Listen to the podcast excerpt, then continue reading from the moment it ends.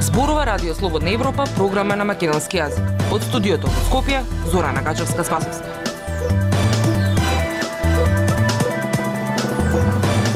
Почитувани, ја следите емисијата на Радио Слободна Европа. Во неја објавуваме. Пазарната инспекција недалава ќе влезе во битка со несовесните трговци. Пожарникарите со стара опрема гасат пожари со децении. Факултетите ги отворија вратите за медиумска писменост. Слушајте на.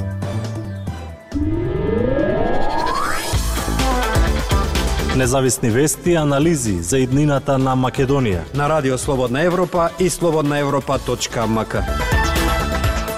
Несовесни трговци веднаш по укинувањето на водините антикризни мерки ги покачија цените на храната од 10 до 70% велат надлежните. Државниот пазарен инспекторат најави дека инспекторите не да искочат на терен во проверка на цените. Вице-премиерот за економски прашања Фатмир Битики рече дека имало вртоглаво и вештачко злоколемување на цените. Деталите од Пелагија Стојанчова.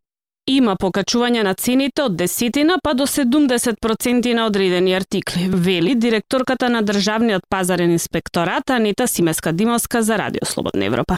Инспекторатот контролите ги најави во петокот, а по слободниот викенд инспекторите неделова ќе бидат на терен да го контролираат покачувањето на цените. Власта до крајот на неделава ќе одлучи дали ќе интервенира во цените, а на несовесните трговци вели граѓаните ќе им судат. Од 1 јуни престана да важи антикризната мерка со која беа намалени маржите и данокот на додадена вредност на основните прехранбени производи. За сега нема продолжување на овие мерки, а властите најавуваат нови антикризни мерки во следните месеци.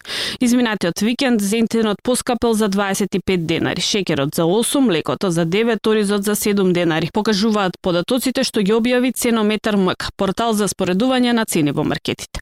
Симеска Димовска вели дека во надлежност на пазарниот инспекторат е да утврдат дали цените што се истакнати се исти со оние што ги имаат прокнижено трговците. Инспекторите, тие што нема започнато надзори по друг основ во петок, работеа на а, овој дел. Денес продолжуваме, продолжуваме во текот на целата недела. Па имаме некои информации дека има покачување на цените, цените се слободни, може слободно да ги формираат, меѓутоа сето тоа треба да е евидентирано и прокнижено имаме покачување од десетина проценти па и до 70 на одредени артикли. Граѓани се жалеа дека нема доволно производи на рафтовите во маркетите на денот кога завршува антикризните мерки, а веќе следното утро се продава основните прехранбени производи по нови повисоки цени. Директорката на пазарниот инспекторат вели дека ја следат предходната и новата цена, но ако промената е евидентирана во правилникот, тогаш е законски постапено. За прекаршителите се предвидени казни. За се има мерки, вели си Симоска Димеска. Вице-премиерот за економски прашања Фатмир Битичи најави дека државата ќе го вклучи заштитниот механизам против злоупотреби од страна на трговците. Тој вели дека има вртоглаво и вештачко зголемување на цените. Битичи вели дека откако пазарната инспекција ќе заврши со работата, владата ќе излезе со список на компании кои енормно ги зголемиле цените. Не можеме да прифатиме да некој совесно се однесува Ние имаме компании кои што продаваат со 0% маржа производи кои што до вчера бе има а, забрана за зголемување на маржата, а некои за 60, за 70% да ги зголемува маржите на добивка за да профитира во период на, на криза. Вели Битичи. Тој додава дека останува граѓаните да одлучат дали ќе купуваат од тие трговци, како што вели казната е најголема кога граѓаните ќе те казнат. Министерот за економија Крешни Вектеши најави дека до крајот на неделава ќе одлучат дали да се интервенира кај цените. Слободна Европа. Следете на на Facebook, Twitter и YouTube. Стара и дотраена противпожарна опрема. Олтаймери за противпожарни возила се само дел од проблемите кои повторно испливаа на површина по големиот пожар што ја зафати поранешната тетовска фабрика Македонија Табак. Проблемите стари децении ги става во поголем ризик пожарникарите кои без тоа си го ризикуваат животот при гасење на пожари. Повеќе за оваа тема ќе слушнете од Ивана Стојкова. Пожарот во поранешниот тутунски комбинат што избувна минатата недела во Тетово повторно ги сврди на површина проблемите со старата и дотраена опрема и недостигот од соодветна заштитна опрема во противпожарните служби. Во фабриката каде гореа и опасни материјали, пожарникарите со стара и дотраена опрема и недоволен број на возила сепак успеа да спречат поголема катастрофа, но командирот на Тетовската бригада Укалити вели дека долготрајните проблеми и неинвестирањето со години наназад во противпожарните служби го става во ризик телувањето на службите во ваков тип на пожари. Опремата ни е преку дотраена, значи скроз на нула е више. Значи камиони, противпожарни возила, значи нашите противпожарни возила се специјални за вакви намени за гаснење на пожари. И треба да бидат понови, треба да бидат во во во кондициона, да бидат спремни за секој минут. Ние еве денеска сме спремни и се спремаме за други предизвици, бидејќи нашите граѓани тоа го заслужуваат, но треба да имаме против пожарни, значи специјални противпожарни возила, треба да имаме опрема. Кризниот штаб на општината Тетово уште минатата недела донесе одлука да се зголеми бројот на вработени во противпожарната единица. Но во општинската каса нема доволно пари, па затоа локалната власт бара помош од владата. Општина Тетово, со оглед на состојбата во која се наоѓа поради блокираните сметки и наследениот долг, нема доволно финансиски средства и затоа бараме помош од владата. Успеавме да им ги зголемиме платите на пожарникарите, што беше вистинска одлука за нивната пожртвуваност во работата. Но не е само Тетовската со истите проблеми се соочува соочуваат и другите противпожарни единици во земјава. Сашко Руменовски од противпожарната служба во Перово вели дека има некое подобрување во споредба со претходните години.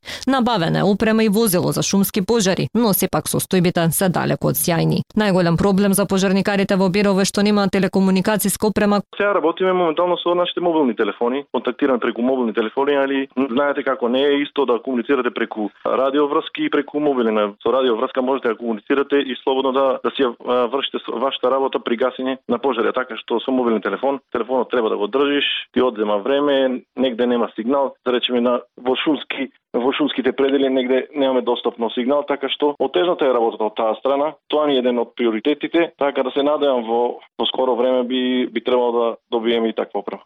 Центарот за управување со кризи изработил детален план за ресурсите кои им се потребни на сите противпожарни единици во земјава. Директорот Стојан Чангелов на пресконференција минатата недела рече дека информацијата го поминал управувачкиот комитет предводен од министерот за внатрешни работи, а истиот план треба да се најде на седница на владата. Но кога ќе се најде информацијата на владина седница за сега не се знае. Во меѓувреме сезоните на пожари доаѓаат, а дел од пожарникарите предупредуваат дека ваквите состојби во службите ќе излезат на површини на терен кога ќе ќе треба да се гаснат пожарите. Радио Слободна Европа, светот на Македонија. Од идната година студентите на четири високообразовни институции во земјава ќе ја изучуваат медиумската писменост како посебен наставен предмет. Медиумската писменост е една од клучните алатки во борбата против лажните вести и хибридните војни кои заземаат силен замав во изминатиот период. Марија Тумановска. Од идната година студентите на четири високообразовни институции во земјава ќе ја изучуваат медиумската писменост како посебен наставен предмет. Станува збор за филолошкиот факултет и педагошкиот факултет, Универзитетот на Југоисточна Европа од Тетово и економскиот факултет на Универзитетот ФОН. Оваа листа на високообразовни институции кои ќе изучуваат медиумската писменост ќе се проширува секоја година. Александра Теменугова од Институтот за комуникацијски студии објаснува дека факултетите ќе ги ажурираат постоечките науките или ќе воведат нови предмети за медиумска писменост. Ке работат на истражување, ќе создаваат нова литература и ќе осмислат различни активности со студенти. Факултетите увидовме дека им недостасува современа литература, бидејќи ова е сфера што постојано се менува, така што ќе има и освежување и на литературата. Некои од факултетите веќе имаат предмети кои што на некој начин допираат до медиумската писменост, меѓутоа тоа се застарени програми кои што даваат цели кои што ги надминуваат потребите за да може денеска да се функционира во едно дигитално општество. Велите Менугова. Истражувањето кое ИКС го спровеле минатата година на факултетите кои имаат допирна точка со медиуми, покажале дека медиумската писменост не е непозната, но генералниот заклучок бил дека програмите се застарени и не соодветствуваат со денешното време.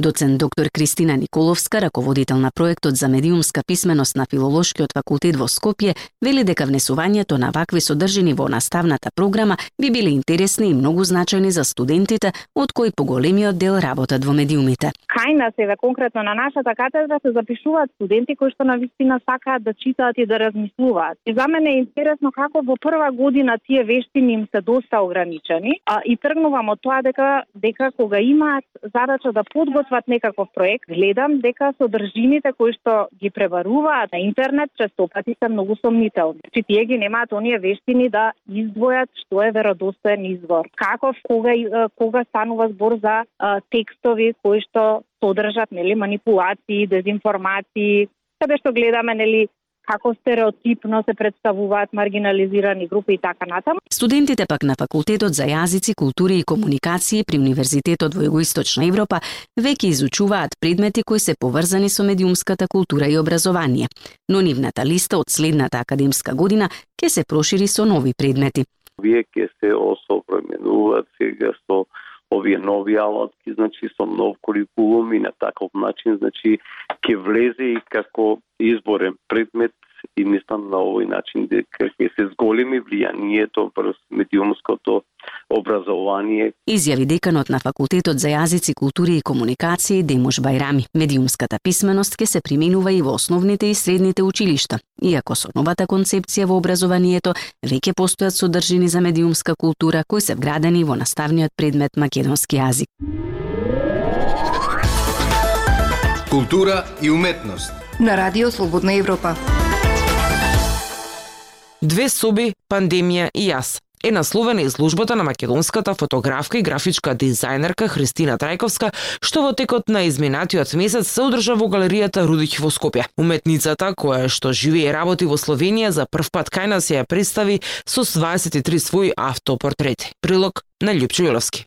Неодамна во галерија Рудич во родното Скопје се одржа вашата фотоизложба Две соби, пандемија и јас. Изложивте автопортрети, фотографирани во две соби, спална и тоалет, во кои се обидовте да ги доловите емоциите со кои сите ние во изминатиот двегодишен период се справувавме. Од каде потребата за ова представување? Колку тоа во некоја рака беше лековито за вас? Првично идејата не беше да се направи изложба од овие фотографии. Концептот всушност произлезе наставно кажано од мојата желба да проложам креативно да се изразувам и во пандемијата, односно да го правам оно во кое што уживам најмногу, нели портретното фотографирање. Со оглед на тоа што бевме затворени дома, антисоциализирани, дигитализирани, немав друг избор освен да ги преминам некои мои изговори да застанам сама пред објективот. Така всушност се случија чудни работи, благо кажано. Научив многу интересни лекции, почувствував од прва рака како име на моите клиенти и верувам дека со обликувањето на тугите чевли се добива некоја нова перспектива и стекнуваат нови знаења од дотогаш неистражени области. Колку храброст, па ако сакате и инает ви беше потребна за да се справите со себе и од сето тоа да креирате уметност. За каков процес всушност се работеше? Да не би била пандемијава, процесот веројатно ќе течеше многу погладко. Дури во деновите кога јас лично се чувствував убаво во својата кожа, енергично инспирирано, самата таа лоша енергија што владееше наоколу ме туткаше во кебе. Дефинитивно најголем предизвик во тие моменти ми беше да се представам вистинската јас. На многу од изложените фотографии гледам мани во себе, не се се допаѓам, бидејќи сум премногу критична некогаш, но емоцијата била таа и тоа ми беше главната цел, тоа да го представам. Значи се останато да се решава во мислите. Верувам дека тие не се единствена препрека до успехот. Со диплома од факултетот за електротехника и компјутерски науки ФЕРИ во Марибор и проширени знаења од областа на фотографијата, видеопродукцијата и дизајнот, во Словенија каде што сега живеете ја водите собствената фирма. Што ве натера на таков еден исчекор? Колку сили и само откажувања ви беа потребни за еден таков след на настаните? Сметате ли дека сте успееле, ако ништо друго, барем да се исправите во полето на делувањето што сте го одбрале? Од секогаш подсвесно верував дека еден ден ќе имам нешто мое креативно, едноставно што ќе шири инспирација и поттик секој да е свој. Да верува дека се е возможно тврсто да стои за своите цели, да работи на својата среќа. ХТР студио настана многу природно, без големи планирања и препреки. Нормално, секој си има свое мислење и желби за каде би сакале јас да продолжам понатака. Едноставно кажано, не беа баш луди по идејата да отворам фирма на 24 години без никакво претходно искуство во тој бизнис светот. Меѓутоа едноставно знаев дека морам да останам доследна до себе, регистрирав компанија и со тоа официјално ги преточив моите пасии во работа. Во ниеден момент не се покајав, најдаш ми се отворија многу врати, моментално се работувам со Чешка, Италија и секако нели Словенија. Ви благодарам на разговорот. Тоа беше се што ви подготвивме за оваа емисија. Со вас од студиото во Скопје беа Зора Нагажевска Спасовска и Дејан Балаовски. До слушање.